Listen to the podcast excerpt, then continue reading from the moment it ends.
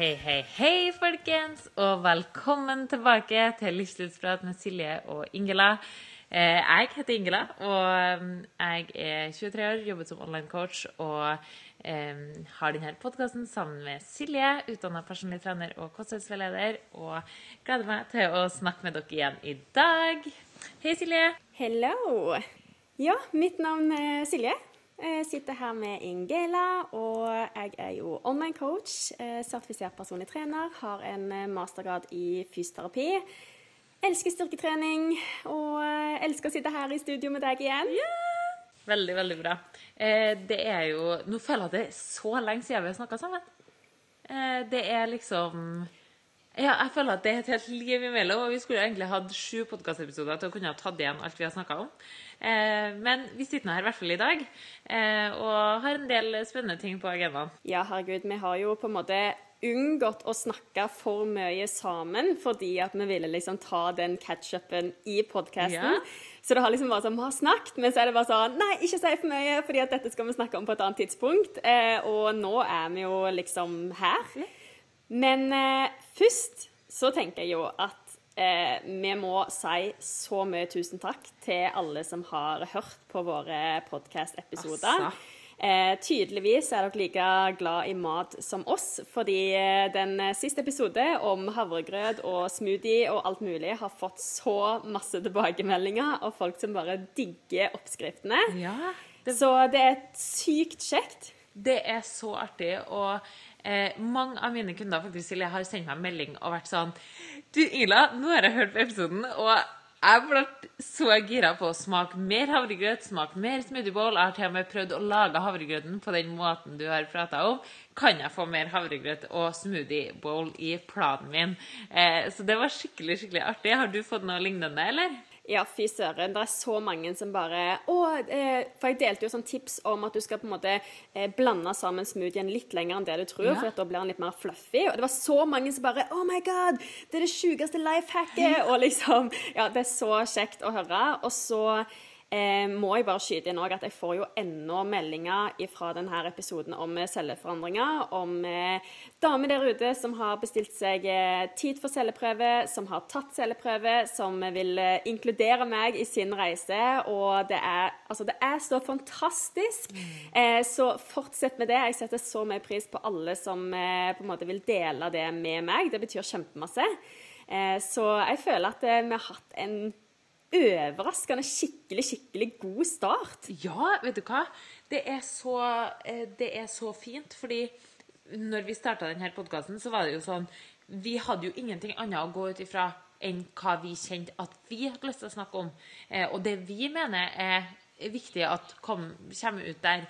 Eh, så, og, spesielt denne episoden med celleforandringer, den er skikkelig skikkelig viktig. Og jeg tror veldig veldig mange setter pris på den ærligheten du viste, og eh, hvor åpen du var om hele prosessen. Ting som ikke blir snakka om, men også den her, den her indre følelsen av at man, man føler seg så sårbar, og det er vanskelig å finne i den eh, eh, styrken når man ikke har noen som har vært i lignende situasjon, som man kan snakke med. Eh, og jeg tenker, du har gjort en sykt bra jobb nå for dem som har hørt den nå, og dem som kan ta det steget, men du har også gjort en sykt bra jobb for framtida, for dem som kommer til å få den beskjeden, eller de beskjedene som du fikk, og at du nå har eh, kunnet kanskje forberede dem litt og gitt dem en person som de kan sende melding, og det er det allerede mange som har gjort, sant? Ja, fy søren. Jeg, eh, jeg bare sprekker av eh, kjærlighet, men òg nesten litt så Jeg kjenner faktisk at jeg er ganske stolt Ja. over å ha snakka om det òg. Eh, og det gjør meg veldig glad at jeg da får den responsen som på en måte har kommet i ettertid, fordi at det var jo noe som var liksom litt sånn skummelt å snakke om òg. Eh, så jeg kjenner jo det at nå er jeg sjukt glad for at jeg bare liksom eh, trossa de barrierene som jeg hadde, og bare kjørte på. fordi at hver eneste melding som jeg får, gjør bare at jeg blir enda sikrere på at det var riktig å snakke så høyt om. Eh, så det er bare Nei, det er så bra. Men eh, så tusen takk til alle. Det var Ja. alt jeg vil si, egentlig. Tusen takk. Og det at folk går inn på Spotify og podkastappen og trykker på at de har lyst til å følge oss, det er bare Altså, det, Altså, det er så sjukt! det er så sykt. Og du gitt meg jo tallet på eh, du, du har jo oppdatert meg på tallene. Eh, Det er du som har kontroll på det, og du oppdaterer meg jo jevnlig.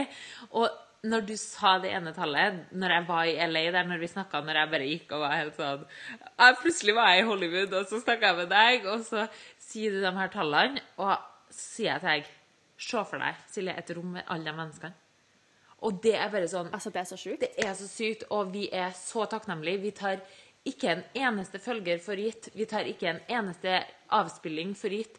Så virkelig vit at alle dere som trykker på den knappen, om dere trykker på følg, abonner eller play, Altså, Vi setter så stor pris på det. Og hvis du hører på denne podkasten og ennå ikke har trykt på følg- eller abonner-knappen, gjerne gjør det hvis du har lyst til å få med deg eh, episodene vi legger ut videre. fordi da kommer vi automatisk opp på fredagsmorgen klokken seks. For det er da, det er da vi publiserer. Så gjerne gjør det. og så må vi også si at Hvis du har lyst til å legge igjen en vurdering av podkasten, så er det veldig fint. For da er det flere som er likesinnede, som kan få med seg podkasten vår. Eh, så det hjelper oss veldig mye. Så hvis dere har lyst til å hjelpe en venn, så er det en måte å gjøre det på, i hvert fall.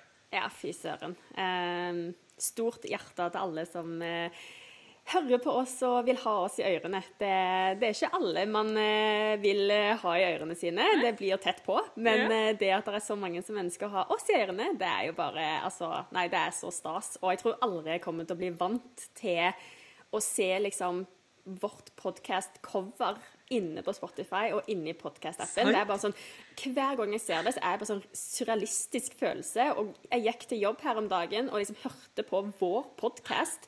Og det er sånn, Jeg går og hører på han, så er det akkurat som jeg liksom ikke klarer å skjønne at det er oss to som sitter og snakker. Mm. Eh, så jeg tror helt ærlig at jeg ikke altså jeg tror ikke jeg kommer til å bli vant til den følelsen noen gang. Eh, men på en veldig positiv måte. da, For det er bare sånn, det her har vi drømt om så lenge, og nå er det ekte, liksom. Mm. Ja, det er skikkelig, skikkelig bra. Så nei, det, vi kan fortsette å leve på den her veldig, veldig lenge.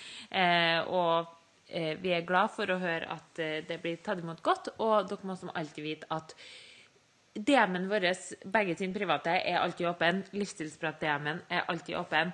Eh, fikk faktisk et spørsmål mm. på Livsstilsprat-DM-en her en dag. Eh, det var jeg som skrev 'Hei, hvor kan jeg sende inn spørsmål til podkasten?' Eh, og det tenker jeg det er sikkert flere som lurer på. Så hvis dere har lyst til å sende inn et spørsmål til podkasten som dere har lyst til at vi skal ta opp, eh, så send det bare på Livsstilsprat nei, på Livsstilsprat-instagrammen. Eh, på DM der så svarer vi mm. der, og man skal aldri være redd for at sitt navn kommer ut, eller noe sånt. Det, det er ingenting å være redd for. Så eh, full ja. taushetsplikt der. Ja, det er så bra at du sier. Um, men nå, herregud ja. det her, eh, Nå tenker jeg at vi må kjøre videre. Og jeg vil veldig gjerne høre om hvordan ditt liv har vært i det siste. fordi dette her har jo jeg gleda meg til. Ja. Og bare venta i all spenning på å endelig få en life update. Så jeg tenker, nå kjører vi på med en life update fra deg først, og så deler jeg litt etterpå. Yes. Sånn at alle er liksom eh, up to date på hva er det som har foregått. Yes, hva er det som har skjedd i livet. OK, så eh, for å ta opp litt tilbake, så Eh, den 3. mai så reiste jo jeg til Hawaii. Eh, jeg var i Hawaii, eller på Hawaii eh, i to og en halv uke før jeg for og var en halv uke i LA før jeg for hjem igjen. Så jeg har vært borte i totalt tre uker. og det har vært litt av en tur, det skal jeg bare si dere. Altså, Hawaii er jo en sånn fjern drøm som egentlig jeg føler veldig veldig mange har. men det er veldig veldig få kanskje som har vært der, fordi det er langt å ferde. Det er faktisk veldig langt å ferde. Eh, jeg er jo vant til å ferde til Bali òg, men eh, nå tok jeg liksom andre veien. Så det var så sykt, for jeg var jo tolv timer bak dere i Norge. Så uansett når mm. det var på døgnet til meg, så var det helt motsatt til dere. Var det morgen til meg, så var det kveld til dere. Var det kveld til meg, så var det morgen til dere. Eh, så det var litt sånn uvant. Men det var tre eller to og en halv helt fantastiske uker på Hawaii. Eh, Hawaii er virkelig en så fin plass, og på mange måter så minner det meg om Bali, bare at det er eh, mye mer på en måte oppordna og strukturert, og på en måte det er et mye bedre system. Altså, eh, dere som har fulgt meg, dere vet at på Bali så er ikke engang gangfelt til å gå på. Eh, men her var det så bra oppordna, og man kunne bare gå og gå og gå. Eh, og det var så vakkert, det var så mye fine palmer. Altså. Det er så frodig, sant. Eh, veldig fin temperatur. Eh, også eh, veldig likt Bali der, egentlig. men sånn veldig stabilt mellom 25 og 30 grader hele døgnet. Eh, det var bare litt mer vind. Å, fy søren. Ja. Helt. Kan du bare ta med den temperaturen til oss? Fordi jeg vil ikke si at, eh, at våren har eh, kommet for fullt ennå. Eh, så når du sier det, så blir jeg bare sånn mmm, Ja, Jeg trenger varme! Jeg vet.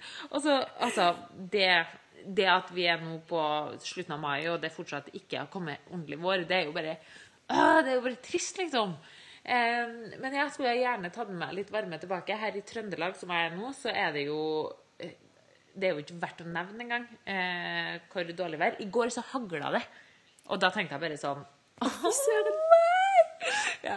Så nei, men eh, Hawaii værmessig var helt fantastisk. Og jeg var veldig heldig fordi at venninna mi som jeg besøkte der, Maja, eh, hun har bodd der i tre år, så hun har jo på en måte blitt litt sånn Hun kjenner til eh, dem, the hidden gems, og hun kjenner til hvilke tourist traps som man ikke skal gå i. Så jeg følte at jeg fikk virkelig av hun og hennes venner så fikk jeg virkelig sånn VIP-behandling. Der jeg fikk eh, bli Altså, vi for på roadtrips rundt hele øya. Jeg fikk se de beste kafeene, de beste spiseplassene der de hadde den beste maten. Noe som jeg elsker, som dere vet. Eh, så jeg fikk liksom mye sånn first hand information som jeg vet at jeg ikke hadde kommet til å, å klart eh, å få til sjøl. I tillegg så på denne Hawaii-turen Ok, nå ble jeg kanskje litt forvirrende, men mens jeg var på Hawaii, så var, tok vi for på flyplassen, og så tok vi et fly til, altså, til en av øyene som tilhører Hawaii. Og den heter Kauai. Så jeg var på både Hawaii og Kauai. Så vi var på en liten sånn getaway på tre dager der. Og det var altså Den, den øya var så vakker. Altså, den, den heter The Garden Island. Så du kan skjønne, det var grønt og frodig Oh og fint, og det var så vakkert. Og da hadde vi liksom leid oss en stor jeep, og vi bare for og kjørte, så på waterfalls. Eh, vi tok til med helikopter, det var helt fantastisk. Og det skal jeg si til dere, folkens. Hvis du en gang står i en situasjon der du vurderer å ta et helikopter, bare sett på skylappene, ikke bry deg om prisen. Ta det jævla helikopteret. Det er så verdt det. Det var helt fantastisk. Vi kjørte liksom helikopter over den her vakre øya i eh, en times tid. Og vi ble tatt med på sånne fantastiske plasser. Eh, der også hun som var pilot, hun var så flink, for hun satt liksom på musikk som passa til der vi var. Så det var bare helt sånn Du var i en drøm. Det var helt nydelig. Så den Å, fy søren. Jeg må bare skyte inn en ting. Ja. At det som jeg syns er veldig fint å høre her, det er at eh, sånn som når jeg eh, reiste til Bali, så var jo du på en måte litt min guide som viste meg de beste tinga, eh, gjorde at jeg slapp å på en måte bruke masse tid på kanskje sånn her turistfelle osv. så Eh, og jeg vet hvor mye det gjorde for den turen for min del, Og på en måte bare kunne liksom senke skuldrene, og du hadde allerede liksom funnet de beste plassene å spise, du hadde allerede liksom funnet ut hva er verdt å bruke tid på. Så det å høre at du nå har klart å liksom få en reise der du har fått den opplevelsen uten å måtte føle på at du skal være noe guide, eller føle på at du må liksom eh, stelle i stand og fikse og ordne, og bare liksom kunne slippe alt og bare være med, altså bli med på riden, det gjør meg veldig glad, for det syns jeg virkelig at du har fortjent. Åh, det var skikkelig, skikkelig fin eh, tanke, Silje. Og det, eh, det var virkelig som, som du vet, og Silje vet, som var også med på den turen, så var det veldig viktig for meg at dere skulle få verdens beste Bali-opplevelse. Eh, og det å høre at jeg klarte å gjøre det, eh, det gjør meg veldig glad. Så, og det har mye å si, altså, at man på en måte blir tatt med litt bak eh, inni gode hemmeligheter. Eh, så nå forstår jeg mye mer hvor mye det gjorde for dere fordi det var helt fantastisk å få den her first hand information når jeg var på Hawaii. Eh, så nei, Hawaii var nydelig. Det skal sies, det var skammelig dyrt, så jeg og min mor har blitt enige om at jeg ikke trenger å sjekke hvor mye penger jeg har brukt. Yes, fordi det var, det var heftig. Bare lev i uvitenhet. Jeg lever i uvitenhet, og jeg har jo ikke villet endre på noe uansett. Jeg, det, altså, hvis at man skal ta med seg noe av det sånn, eh, til dem som hører på Hvis du skal til Hawaii, spar opp bra med penger, og så koser du deg. Eh, for det er ikke noe Hvis du drar dit på et lavbudsjett, så føler du bare at du ikke kan bli med på noe. Em, så det Og så tenker jeg også litt sånn, Det her er jo det du jobber for. Ja. Altså, du jobber jo for å kunne reise rundt i verden, for å kunne oppleve, eh, for å kunne nettopp gjøre det som du har gjort nå i tre uker. Eh, så jeg tenker jo at eh, det, ja, dette her er det du har jobba for, og da er det rett og slett bare å nyte og kose og skape så mange fantastiske minner som du klarer. Og det har du jo gjort på denne turen. Eh, så jeg tenker at her har du jo på en måte egentlig bare gjort det som hele tida har vært planen òg. Ja, sant. Eh, ja, det er faktisk helt sant, så det skal jeg ta med meg. Eh, jeg skal bare tenke at det, det, her, det her, er meninga. Eh, og så til LA så var det sånn Vi var i LA. Vi, ta, vi hadde bestemt oss for å være skikkelige turister. Eh, så vi skulle ta en sånn her, dere vet, sånn turistbuss, sånn der todekker, der du bare kjører rundt i byen og har på sånn høretelefoner og får liksom guide. eh, og det var jo kjempeartig. Men så tok vi liksom en Uber dit, altså en taxi. Så gikk vi liksom ut, skulle finne tak i denne busstoppen, og så sier Maja, som jeg var med, hun sier sånn eh, Ingela, eh, er vi i Hollywood nå, eller? Fordi at plutselig, når vi så ned på bakken, så gikk vi jo på de stjernene, er Walk of Fame. Så bare sånn Oi! Så så vi opp, og så bare Oi, vi er i Hollywood! Så vi var to superbønder i byen som bare liksom Oi, jeg tror vi er i Hollywood! Eh, men det var kjempeartig å ha vært der. Ja, det var, det var kjempeartig. Det var eh, artig å se liksom det supergryta av Hollywood LA. Eh, og brukte liksom en hel dag der og bare gikk rundt og så og var skikkelig turister. Og så hadde vi den andre dagen der vi for eh, Jeg syns ikke det første hotellet vi kom på, var OK. Så da sa jeg, vet du, I'm not here for this. Så da bare bestemte jeg at nå kjøper vi et eh, bedre hotell. Så flytta vi etter første natta. Eh, så for vi ned til Santa Monica, og, eller bodde helt på stranda der, på, midt på stranda, liksom på Santa Monica Beach.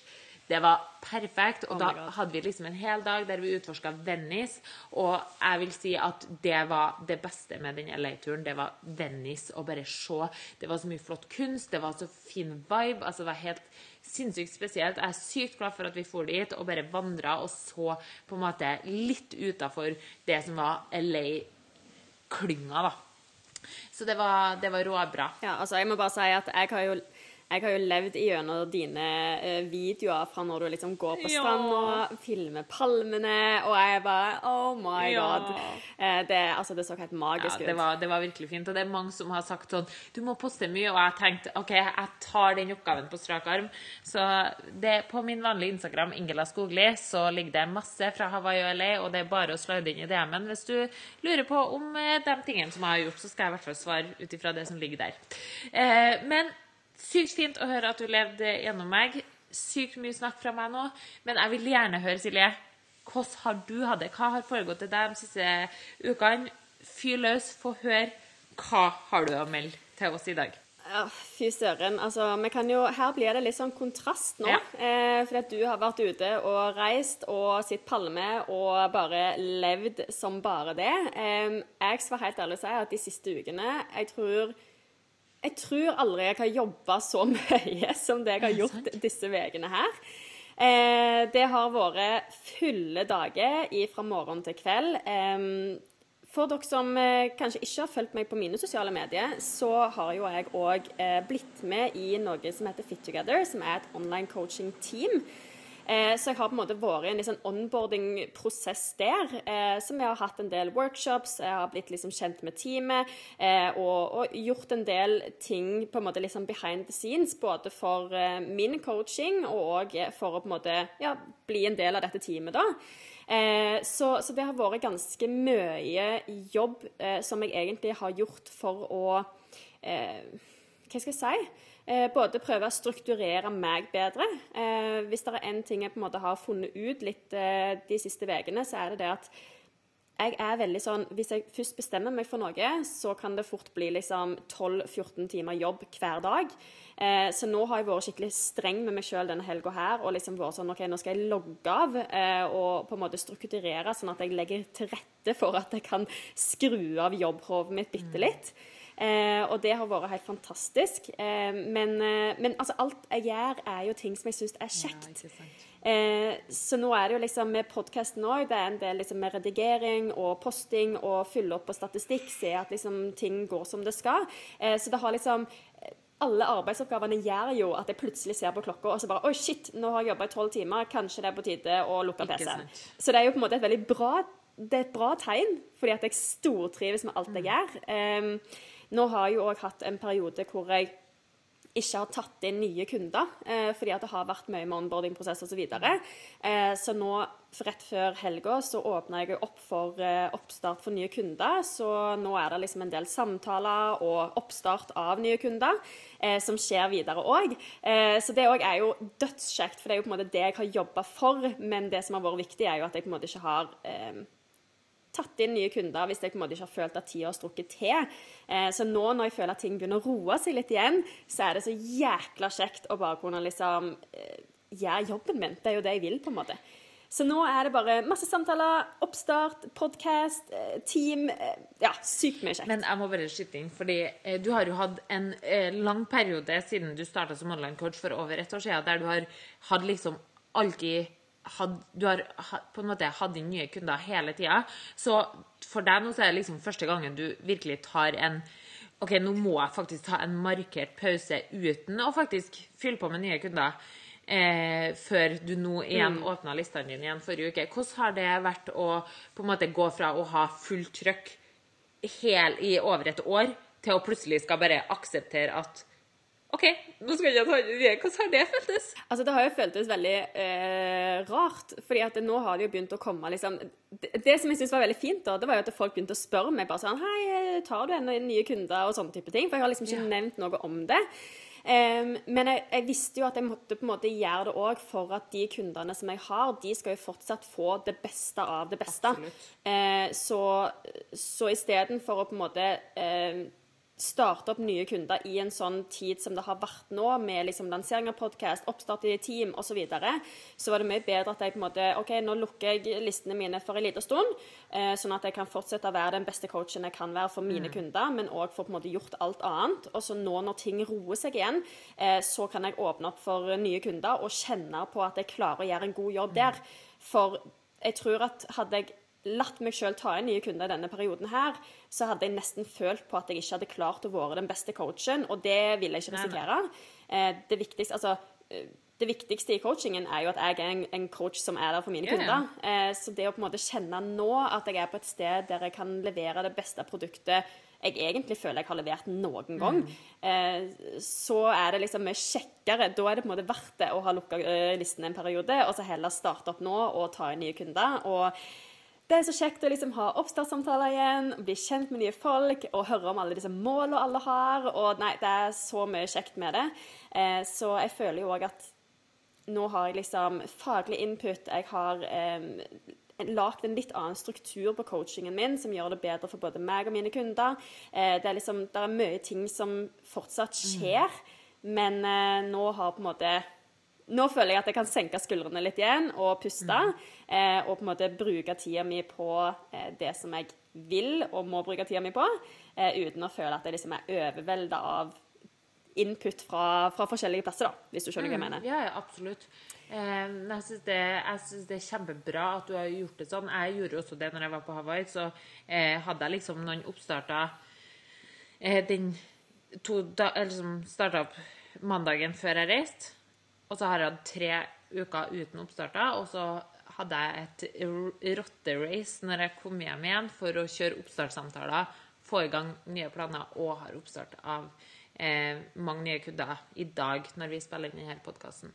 Eh, og det er jo noe med å liksom Ja, liksom tillate seg sjøl å skjønne når kan jeg være den beste coachen? Kan jeg være den beste coachen nå når jeg holder på med en oppstart av en ny podkast, en onboardingsprosess i et nytt team, blir kjent med fullt av nye systemer og mennesker?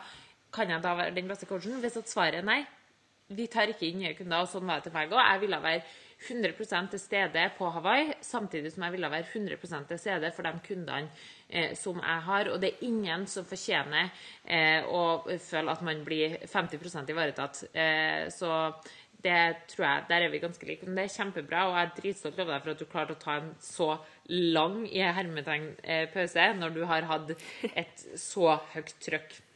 Ja, forever. Eh, så det er dødsbra. Eh, føler du at du har på en måte fått eh, Er du på en måte at peace? Nå begynner det å roe seg ned litt. Er du Ja, nå føler jeg at eh, ting begynner å på en måte falle på plass, og jeg har mer tydelig oversikt over hvordan ukedagene mine faktisk ser ut. sant? Altså, eh, Plutselig så skal jo på en måte andre ting òg inn i kalenderen. sant? Det skal inn workshops, det skal inn møter, det skal inn samtaler, det skal inn oppstart. Og i en oppstartsprosess så krever jo det òg ganske mye. sant? Så det å på en måte se at jeg har den kapasiteten som jeg vil til de tingene som jeg vil ha kapasitet til, men òg det å klare å rydde eh, kalenderen for de tingene som jeg på en måte ikke ønsker å bruke tid på, og ikke har kapasitet til å bruke tid på. Eh, og det å på en måte få litt de tingene underveis. Og det er jo der jeg føler kanskje at jeg har gjort en god jobb nå i det siste. Eh, fordi at tidligere så har jeg på en måte bare edda på ting hele tida, som har gjort at mitt eh, Altså jeg har jobba veldig mye over en lang periode. For dere som har fulgt med, så har vi jo i tillegg pussa opp en leilighet og solgt den. Sant? Så det har liksom, eh, Tidligere så har jeg på en måte bare edda masse, masse, masse. Og så har det vært et voldsomt høyt volum av alt. Mens nå så har jeg på en måte fått rydda unna ganske mye for å kunne ha fullt fokus på de tingene som jeg vil ha fokus på. Og det var jo litt sånn som vi nevnte i eh, en tidligere podkast òg, at det, jeg er veldig flink til å gjøre 100 ting på en gang, og så blir alt litt halvveis. Eh, så nå har jeg virkelig liksom tatt meg sjøl i å ikke ha 100 prosjekt, men heller rydde unna og ha de prosjekter som jeg ønsker å fokusere på, og kunne kjenne med meg sjøl at jeg klarer å gi 100 der. Eh, og det gjør jo at jeg får en helt annen ro, eh, som, eh, som er deilig. Eh, det tror jeg jeg har trengt nå, for nå har det vært noen måneder med mye. Eh, så det å på en måte òg nå når sommeren kommer, ha tid til å faktisk kunne koble av litt, kunne kose seg sammen med venner og familie, eh, kunne tillate seg å ta litt helg iblant. Eh, så, så det tror jeg blir en veldig Jeg tror jeg har gjort noe bra for meg sjøl, selv, selv om det på en måte har vært en periode hvor jeg har ja, måtte stengt listene litt og sånt. Ikke sant? Og akkurat dette her, det her sier meg én ting, og jeg tror det faktisk blir ukas tanke, Silje. Eh, så kjør ukas tanke.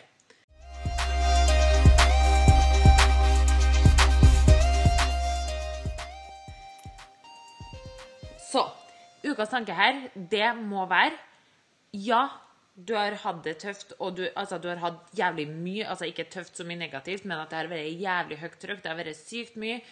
Men nå sitter du her. Du har en nylansert podkast som går over all forventning. Du har kommet inn i det teamet som, det eneste teamet som du har ønska å blitt med i, og du har fulle lister igjen. Hard work pays off. Altså, se på deg sjøl. Ja.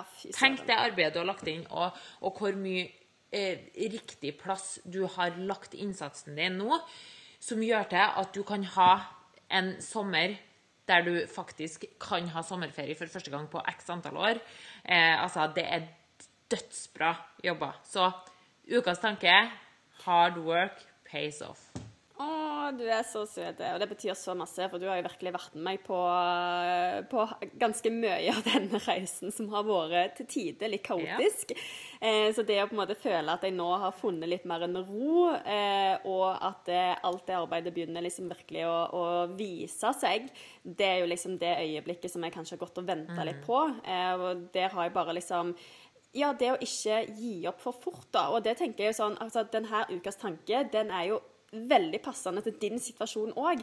Eh, fordi at du òg har jobba så jækla hardt. Du er råflink i det du gjør. Og det at du nå har på en måte kunnet vært på denne reisen i tre uker, du har kunnet kose deg, du har vært til stede, og det må jeg faktisk gi deg all cred på, for det har vi snakket litt om. Det å klare å koble av hodet og faktisk være til stede på, eh, i, i de opplevelsene som du får. Og det er jo en ting som jeg føler at du virkelig har gjort denne reisen her. Det å tillate deg sjøl å være på reise, tillate deg sjøl å koble av hodet, tillate deg sjøl å gjøre de tingene som du har lyst til å gjøre, uten å tenke på at åh, jeg føler jeg må gjøre dette, jeg føler jeg må gjøre dette. Så lenge du på en måte gjør det som må gjøres, så, så er det veldig fint for en periode. Det er ikke sånn at du alltid må på en måte levere 150 Eh, så der òg tenker jeg at for din del så har jo alt det harde arbeidet som du har lagt inn, har jo nå gitt deg muligheten til å kunne reise sånn som du har lyst til å gjøre. Eh, til å kunne eh, møte opp på i, Er det på eller På i Hawaii? Hawaii. På Hawaii, kanskje. Det er jo ei øy. Ja. Eh, og være der med venninna di og på en måte være til stede og stille opp. og det er så sykt fett å se, og jeg tenker mm, Altså, vi har jobba ganske mye. Så det å se nå at vi plutselig er på et sted der det virkelig liksom ting faller på plass, det viser jo òg at det, eh, vil du gjøre noe som kanskje er litt utenfor boksen, uansett hva det skulle være, om det er å, å starte med ny idrett og bytte jobb, eh, satse på noe som du kanskje ikke har turt å satse på tidligere, så er liksom bare det Still deg inn på at du må gjøre et stykke arbeid, men gjør du det stykket arbeidet, så vil det være så verdt det i enden. Og jeg tror at veldig mange kan liksom eh, nesten liksom manifestere at ting skal skje, og så glemmer de litt å legge inn arbeidet som kreves, og så blir man skuffa fordi at man ikke får det helt til. Men gjør du innsatsen, er du villig til å legge ned arbeidet som skal ta deg dit du vil komme, så smaker det så jækla godt når du står i andre enden. Ja, det er spot on. Og tusen, tusen takk, Silje, for de fine ordene om meg. Det betyr så mye. Og når du sier det, så er jeg jo enig 100% at det er alt det her, det er det jeg har jobba for, og det at jeg kan være helt eh, geografisk uavhengig og kan dra til Hawaii på graduation til venninna mi, eh, det er absolutt eh, et resultat av det harde arbeidet jeg har lagt inn. Så tusen takk for at du minner meg på det. Og jeg vil også spinne videre på den der du sier, for jeg er så enig. Det der gjenspeiler seg i uansett hva du har lyst til å gjøre i livet. Legg inn det arbeidet. Gjør den jobben, så får du de resultatene du skal ha. Eh, og det er ikke sikkert at det kommer i morgen, det er ikke sikkert at det kommer når du forventer at det kommer, men det kommer. Og det her eh, tenker jeg at for deg som sitter og lurer på Jeg har lyst til å begynne å trene, men jeg kommer ikke til å få resultat. Eller jeg har lyst til å begynne å trene, men alle gangene jeg har prøvd å trene, så får jeg ikke resultat, og da blir jeg eh, Eller da slutter jeg å gjøre det før eh, på en måte jeg får noe resultat òg. Det er akkurat det samme her. Altså, legger du inn det arbeidet på trening i en lang nok periode med god nok kvalitet, så kommer du til å få resultat. Men det, kommer, det kommer ikke i morgen. Du må gjøre det lenge, og du må bli lei både én og ti ganger. Men legger du inn innsatsen på kosthold, legger du inn innsatsen på trening, legger du inn innsats i relasjonene dine Hvis at du har en relasjon du har lyst til å forbedre, legger du inn en innsats på jobb fordi at du har lyst til å få en lønnsforhøyelse Altså, hard work pays off. Det passer så sinnssykt Ja. bra eh, til så mange aspekter i livet. Jeg må bare skyte inn her òg. Altså, her ser, du har sett det der bildet med en sånn gruvearbeider som hogger seg mot masse masse diamanter. Og så stopper han rett før og går derifra, og så er liksom ti centi til.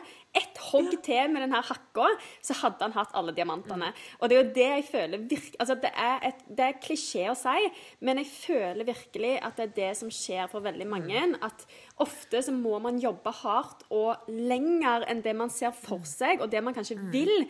Men jo mer arbeid altså det her er jo vist gjennom studiet òg, at det, jo mer arbeid du legger inn i noe, jo bedre smaker det jo å på en måte faktisk få til noe og få resultatene av det. Um, en veldig morsom studie, det her må jeg bare skyte inn, for det her er dødsmorsomt, Ja, ja. faktisk. Eh, for eksempel, altså verdien av noe, den øker jo mer du må gjøre et arbeid selv. Eh, så for eksempel, de spurte en del folk sånn her, hvis de hadde fått levert et ferdig montert IKEA-bord, eh, hva hadde verdien på det IKEA-bordet vært? Og så var det noen andre som fikk en pakke med et IKEA-bord som de måtte sette sammen selv. Og så spurte de hva, de, hva, altså, hva er dette bordet verdt.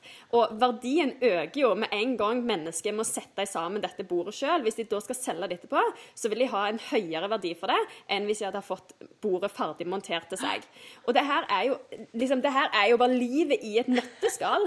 At det, alt det som vi føler at vi må legge inn arbeid på, alt det som vi føler at vi må på en måte eh, gjøre noe for å få tilbake på, da øker det verdi. Det øker liksom Gulrota blir bare større jo mer du legger ned eh, arbeid i det. Og det, er jo, det gjelder for alt i livet. Det er sykt interessant med et ikke-ha-bord. Men det gjelder jo for alt 100% OK, det var Ja, men uh, artig å høre. Og jeg skjønner jo at det stemmer, for jeg kjenner jo igjen hver eneste bit av det.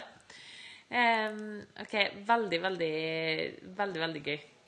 Jeg tenker at eh, vi skal hoppe videre til neste spalte, eh, som er ukas spørsmål. Yeah!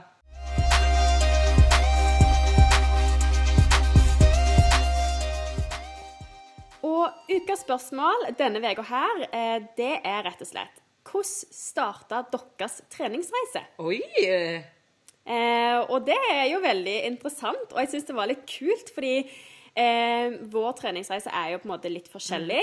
Og så tror jeg òg at vår treningsreise er eh, Nå kan jeg få snakke for min treningsreise. tror jeg kanskje er en litt sånn reise som kanskje en del kan kjenne seg igjen i. Eh, for det er veldig mange, tror jeg, som tenker at jobber du med trening, kosthold, eh, er du liksom over igjen og sitter interessert i det, eh, så har man ofte på en måte vært veldig Altså holdt på med trening hele livet. Eh, og jeg kan bare si med en gang at jeg har ikke holdt på med trening på det nivået som jeg gjør nå hele livet. Eh, så det har helt klart vært en reise dit. eh, så jeg tenker kanskje du begynner, begynner å snakke litt om din treningsreise først, og så kan jeg dele min etterpå. Eh, jeg gleder meg til å høre din. Selv om jeg kanskje har hørt litt av den før. Men jeg gleder meg til å høre den i en sånn sammenheng.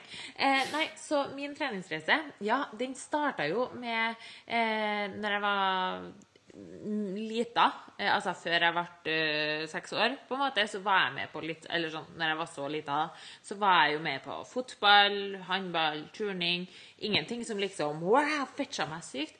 Men så eh, begynte jeg på ridning når jeg var seks år. Eh, og da starta det jo så klart med én gang i uka, og så etter hvert så ble det kanskje to ganger i uka.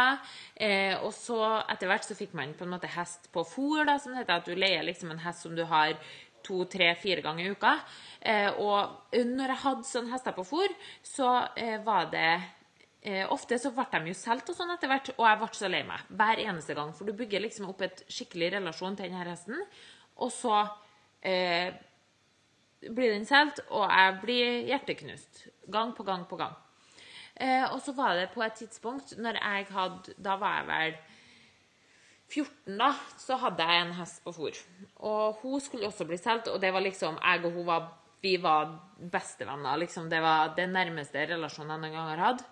Og da eh, syntes min far at det var helt forferdelig for meg, for han har sett meg jeg hadde kjærlighetssorg så mange ganger. Og han endte opp med å kjøpe denne hesten.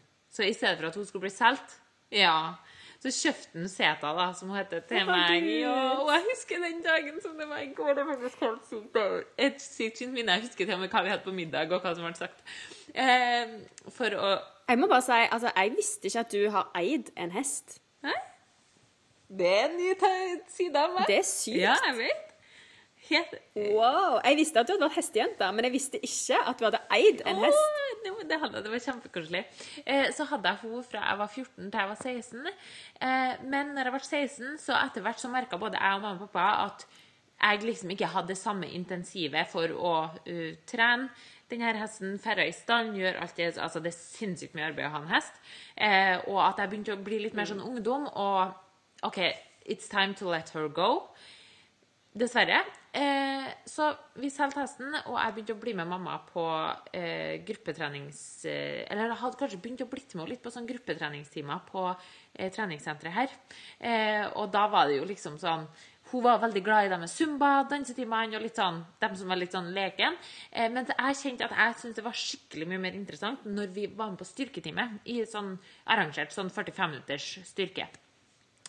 Og da kjente jeg at OK, men det her er liksom Jeg, er- ganske sterk, da. Og liksom kjenne på at det, jeg var, det her var jeg ganske god på.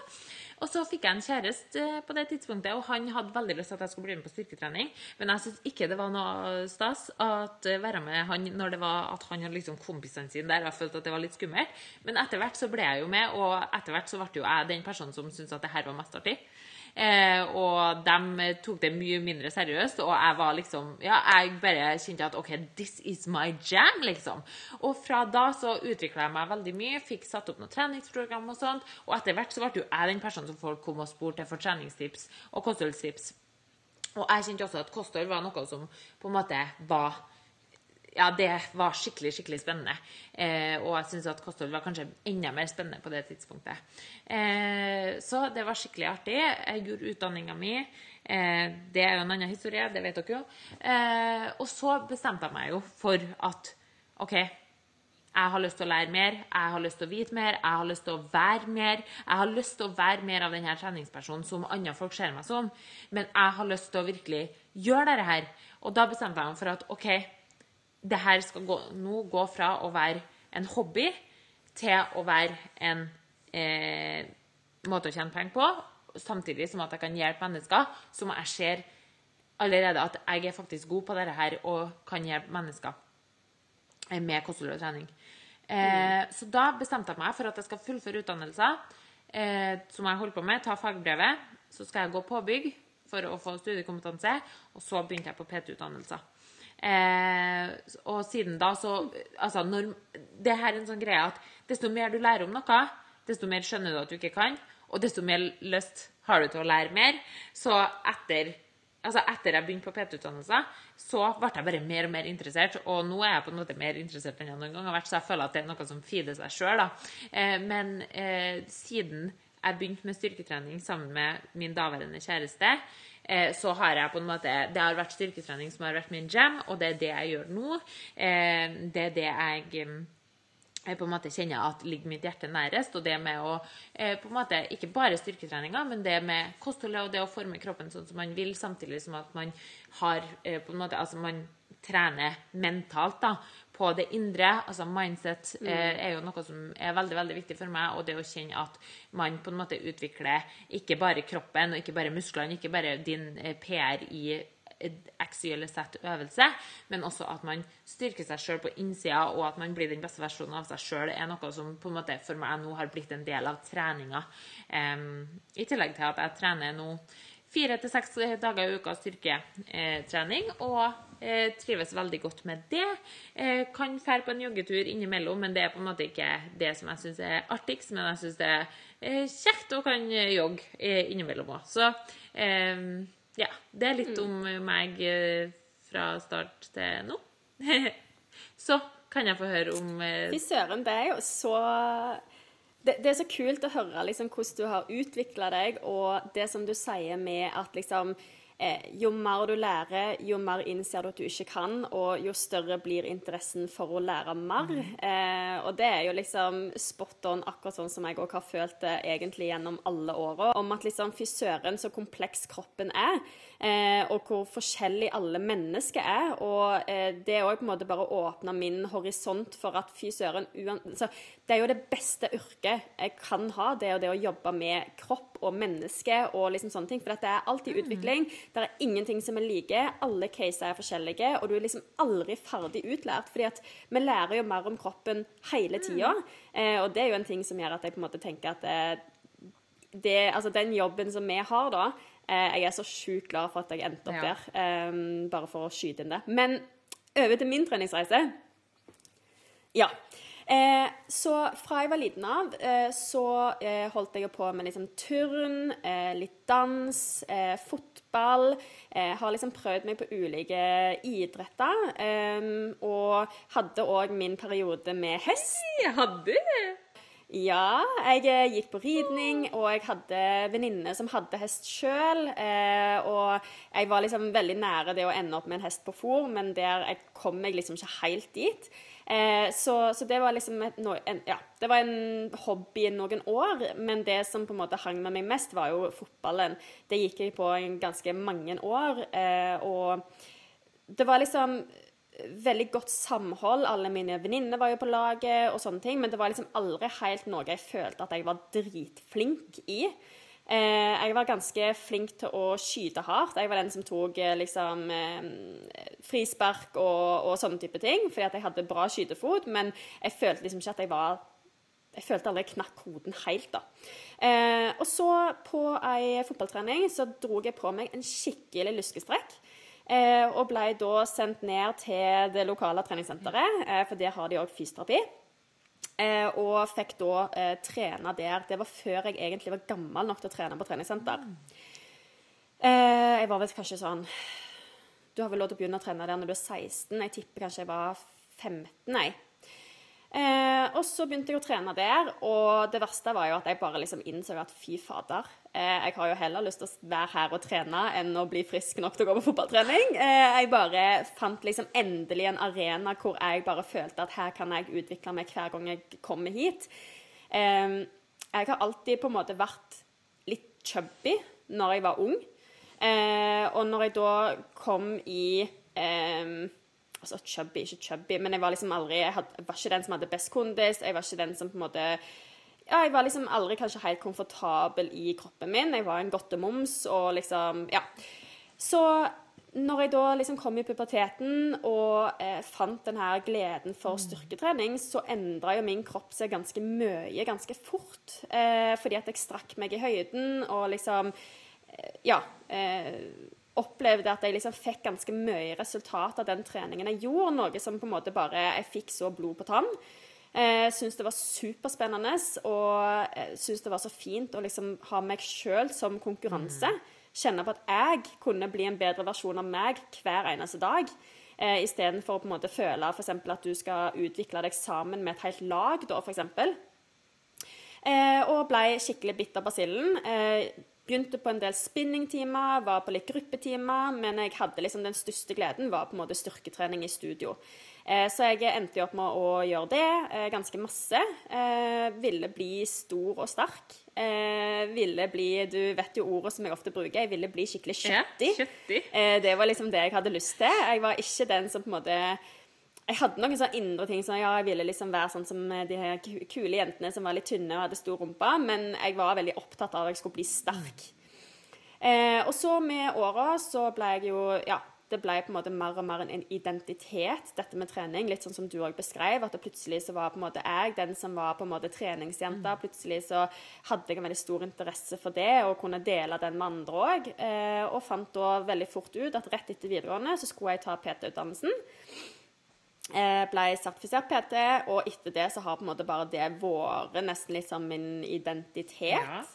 Eh, og så fant jeg ut at OK, jeg vil enda mer. Eh, så da tok jeg jo først en bachelor i fysioterapi og en master i fysioterapi. Og eh, har nå liksom gått over til å være online-coach eh, og egentlig bare videreutvikla den identiteten innen trening og kosthold og kropp og helse. Og eh, jeg har jo på en måte virkelig jobba for det å finne en balanse og det å oppleve ja, oppleve å klare å ha en balanse sjøl har jo bare gjort at jeg på en måte eh, brenner enda mer for å kunne dele den fantastiske følelsen med alle andre og mine kunder. Eh, det å se at det, er ikke svar-kvitt. Det er ikke sånn at enten så er du sunn, eller så er du usunn. Det er ikke sånn at enten så trener du, eller så kan du være med på sosiale event. Det er liksom, Man kan gjøre alt og fortsatt få så mye resultat. Fortsatt forme kroppen sin. Eh, så det har jo på en måte virkelig jeg kjenner at det har på en måte ja, utvikla seg mye i meg de siste mm. åra. Eh, og nå trener jeg jo hovedsakelig styrketrening. Eh, trener egentlig for å forme kroppen. Tidligere så har jeg trent veldig mye for å på en måte løfte tungt eh, osv. Men eh, fadder eh, gamlemor eh, begynner å dra på, på åra. Eh, så nå har jeg liksom for en periode lagt fra meg dette her at jeg skal løfte så jeg knebøy, jeg skal løfte så jeg markløft. Jeg har en rygg som er litt kranglete. Eh, og det på en måte jeg fant til slutt ut at det, Eh, ja, etter jeg slo opp ryggen, ja. så var jeg litt sånn uh, OK, jeg kan gjøre veldig mye uten å måtte løfte så mye innspill. vekt. Eh, det her med ryggen din, det er faktisk noe vi kunne snakka om i en egen episode. For du har jo opplevd veldig mye i din jobb som fysioterapeut, men du har også opplevd veldig mye bare de siste årene med din egen rygg, så det måtte jeg bare si. mm. Ja, og da har jo mitt fokus endra seg litt på trening òg. Eh, for det første så har jeg jo på en måte gjort en større livsstilsendring. Jeg har gått ned en god del i vekt, eh, men på en måte hele fokuset mitt har jo ligget på at jeg skal være sterk fysisk og psykisk. Mm. Det er jo ikke noe å legge skjul på at gjennom covid så gikk jeg gjennom en periode som var ganske tung. Psyken min var ikke bra. Angsten ble verre. Og det var veldig mange faktorer som gjorde at jeg bare fikk sånn Nå må jeg gjøre noe. Eh, og det har jo på en måte vært min reise de siste åra. Og nå er jeg jo her og har så å si ikke angst i det hele tatt. Noe som er helt sykt å tenke på eh, når jeg ser tilbake på hvor angstprega jeg var eh, for bare liksom to år siden. og i tillegg til det så er jeg på en måte i en helt annen kropp òg, som klarer så mye mer. Eh, så nå er jo på en måte mitt fokus det å bli sterk, det å ha en kropp som klarer alt det jeg vil, kunne ha en balansert livsstil som har rom for alt, eh, og rett og slett fortsette å forme kroppen min. For det er jo noe som jeg har blitt skikkelig interessert i. Det er liksom det å se fy søren så mye man kan gjøre med eh, et balansert kosthold og strukturert trening over tid. Ja, virkelig. Virkelig. Eh, der kan jeg også si at jeg sa kanskje ikke hva som er mitt mål med treninga nå, men jeg er egentlig på samme plass som deg. Bare fortsett å forme kroppen, fortsett å utvikle seg. Eh, ikke at det alltid må handle om kropp heller, men bare sånn fortsett å utvikle på en måte hele det her systemet som man kaller for kroppen. da. Så ja. Veldig, Ja. veldig fint. Og det er jo veldig kobla til liksom psyken, eh, mentalitet. Eh, jeg merker jo liksom sånn hvor mye trening og den livsstilsendringen jeg har gjort, har òg forma meg i forhold til f.eks. For jobben min. Eh, spol tilbake to år, så hadde jeg mest sannsynligvis aldri klart å gjort alt det som jeg gjør nå. Eh, fordi at jeg hadde ikke overskudd til det. Jeg hadde mye mer angst. Jeg hadde mye vanskeligere for å være kreativ. Jeg hadde mye vanskeligere for å tørre å gjøre ting. Eh, Så det er jo helt klart at trening har hjulpet meg på alle disse områdene, og gjør at jeg i dag kan eh, på en måte eh, jobbe, hjelpe andre, og til tider ha ganske høyt arbeidsvolum uten at det trenger på en måte bli prega av at jeg f.eks. er kjempesliten, da. Eh, eller at jeg ikke har selvtillit nok til å tørre altså, Spol tilbake to år, så hadde jeg aldri turt å lansere en podkast. Fordi at jeg hadde vært så selvbevisst og jeg hadde vært så kritisk til meg sjøl og tenkt at det ikke er bra nok. Mens nå, siden jeg har kommet dit som jeg har kommet, med hjelp av eh, liksom, trening og kosthold og mental eh, trening og alt dette her, så, så sitter vi to her og lanserer en podkast som går over all forventning, og jeg kjenner at jeg gruer meg ikke til å eh, slippe disse episodene. Jeg gleder meg bare.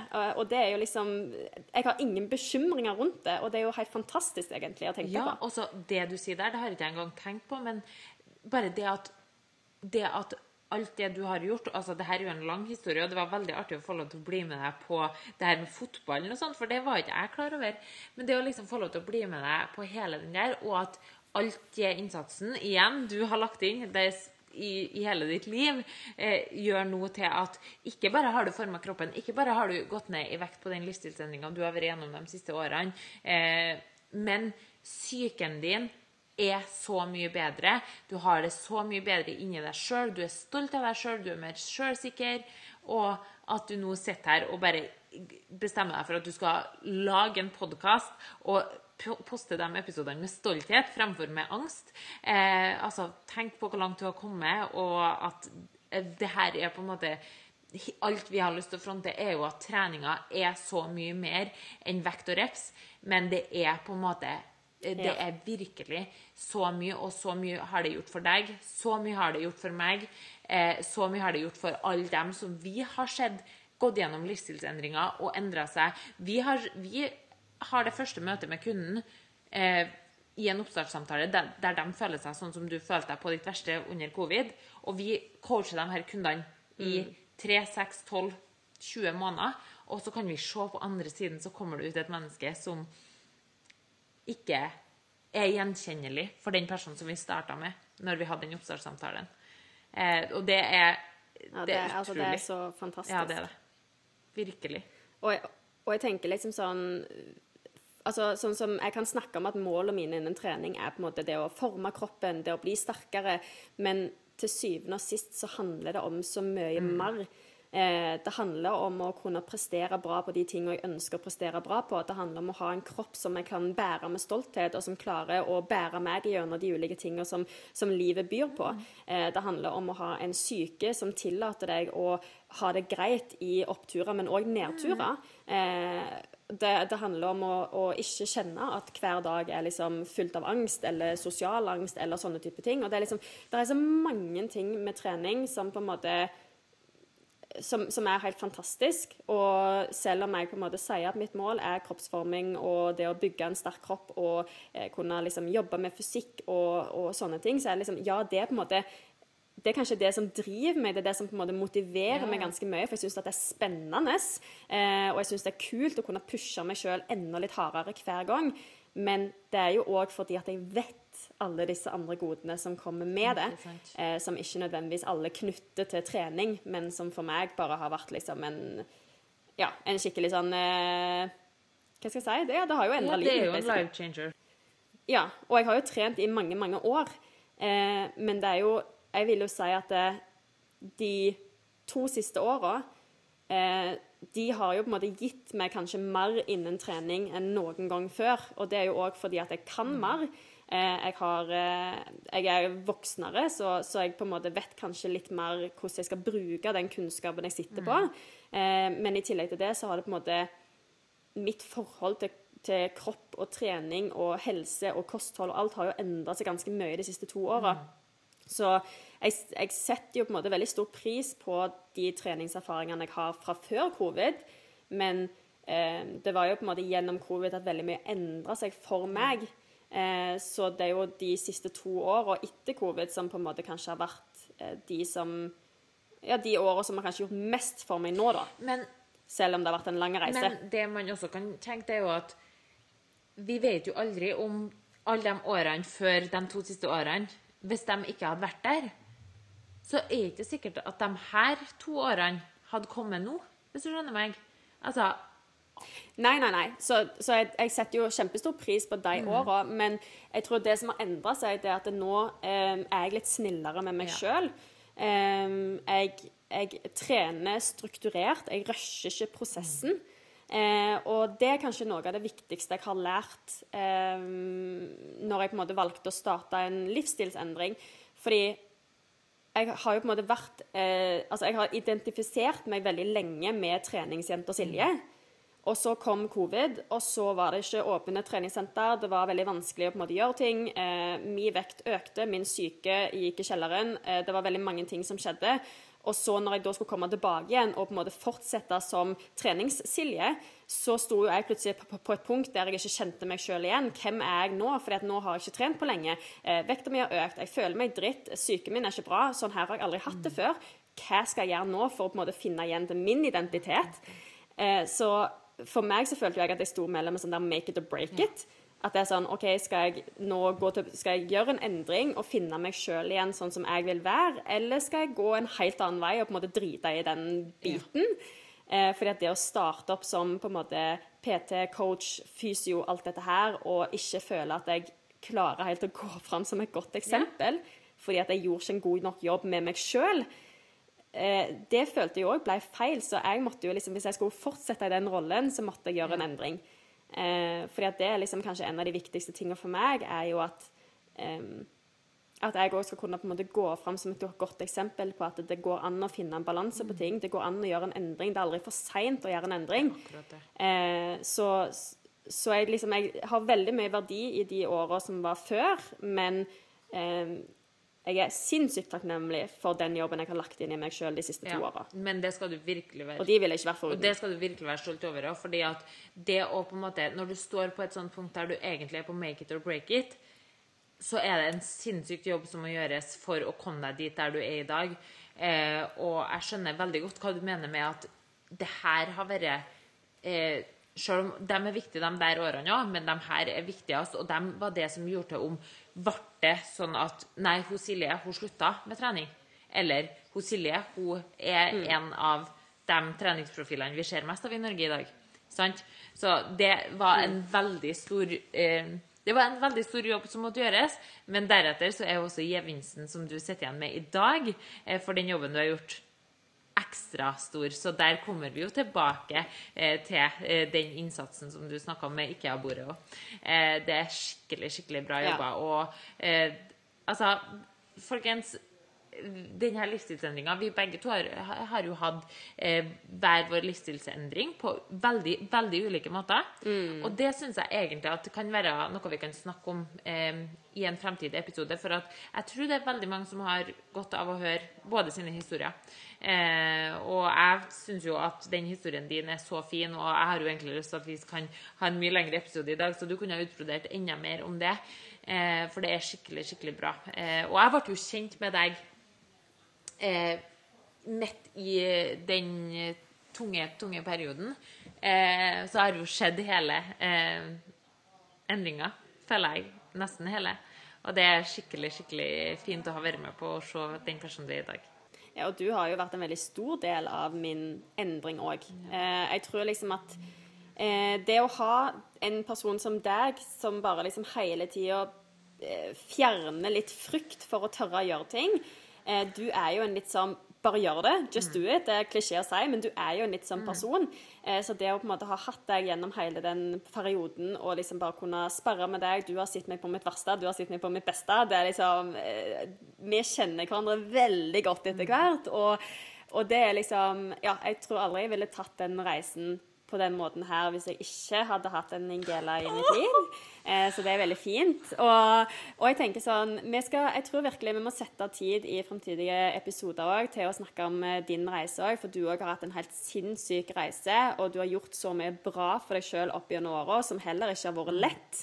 Eh, du har liksom Altså, jeg kan bare nevne f.eks. det å se på gamle bilder av deg. Det òg gjør jo til at jeg lurer på hvem var den Ingela? Ja. For du òg har på en måte vært igjennom en skikkelig endring. Du har tatt valg på veien som noen ganger har tatt deg i retning som du kanskje ikke helt ville, og andre ganger så har du bare tatt en fullstendig U-sving og eh, stått opp for deg sjøl og gjort gode valg for den personen som du har lyst til å være. Og det er, det er helt fantastisk å kunne se på en måte der du er nå, da. For du, altså, du, er jo en person jeg ser skikkelig opp til, og jeg tror at den reisen du har vært på, er det veldig mange som har godt av å høre.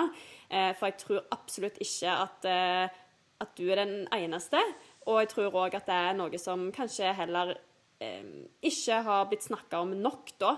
Eh, så, så, jeg tror Altså, vi har så mye vi skal snakke om videre i podkasten eh, framover, og det er så mange erfaringer som kan deles. Eh, på godt og på vondt, skulle jeg si. Jeg tenker sånn, Hvis vi kan, eh, hvis man kan dele eh, ting som vi har gjort på veien som vi tenker at oh, det var kanskje ikke det smarteste, så er det litt sånn hvis noen kan lære av mine feil, så er det ingenting som er bedre. Eh, og, og, det tenker jeg sånn det her, ja, vi, må, vi skal notere dette i vår notatbok, sånn at uh, dette blir med i en annen episode. Yes, det syns jeg vi skal gjøre. Eh, vet du, Silje, ha, ser du på hvor lang tid vi har snakka nå, egentlig? Ja. ja. Så jeg tenker at vi må kjøre i gang med siste spalte. Ja, det tenker jeg òg.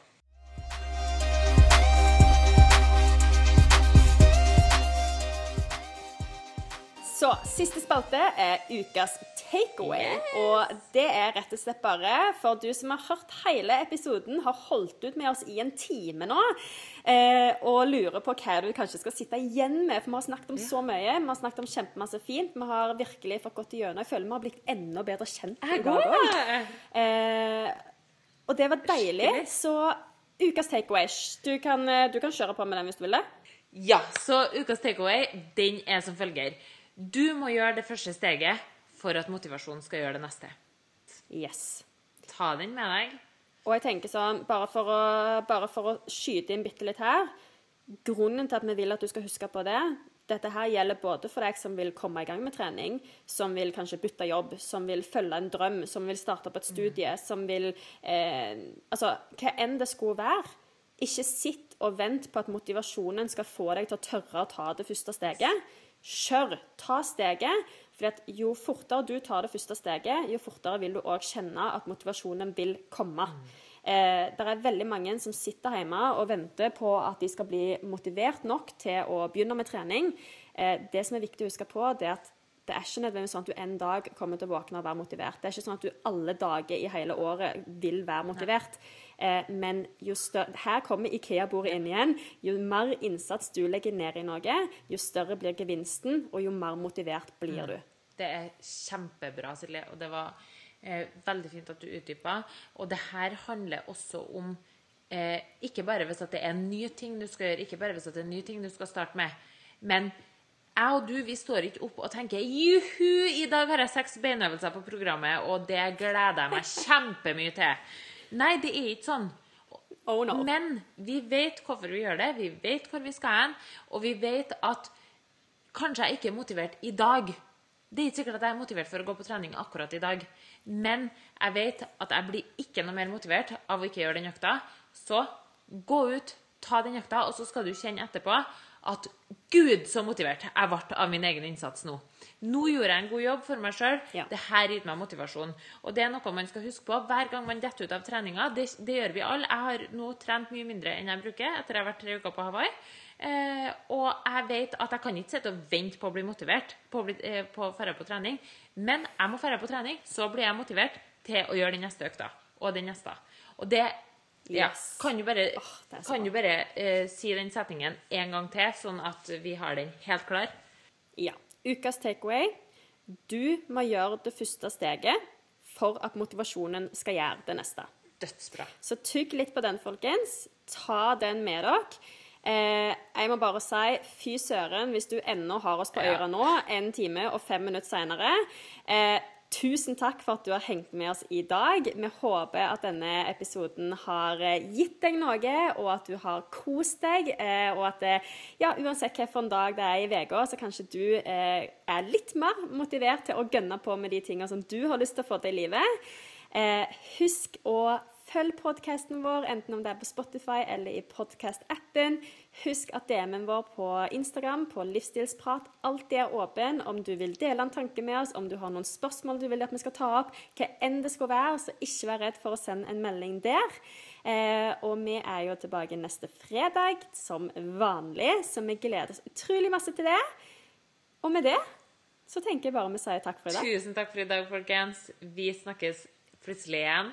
Og ha en god fredag, eller hvilken som helst dag videre. Vi snakkes! Vi snakkes!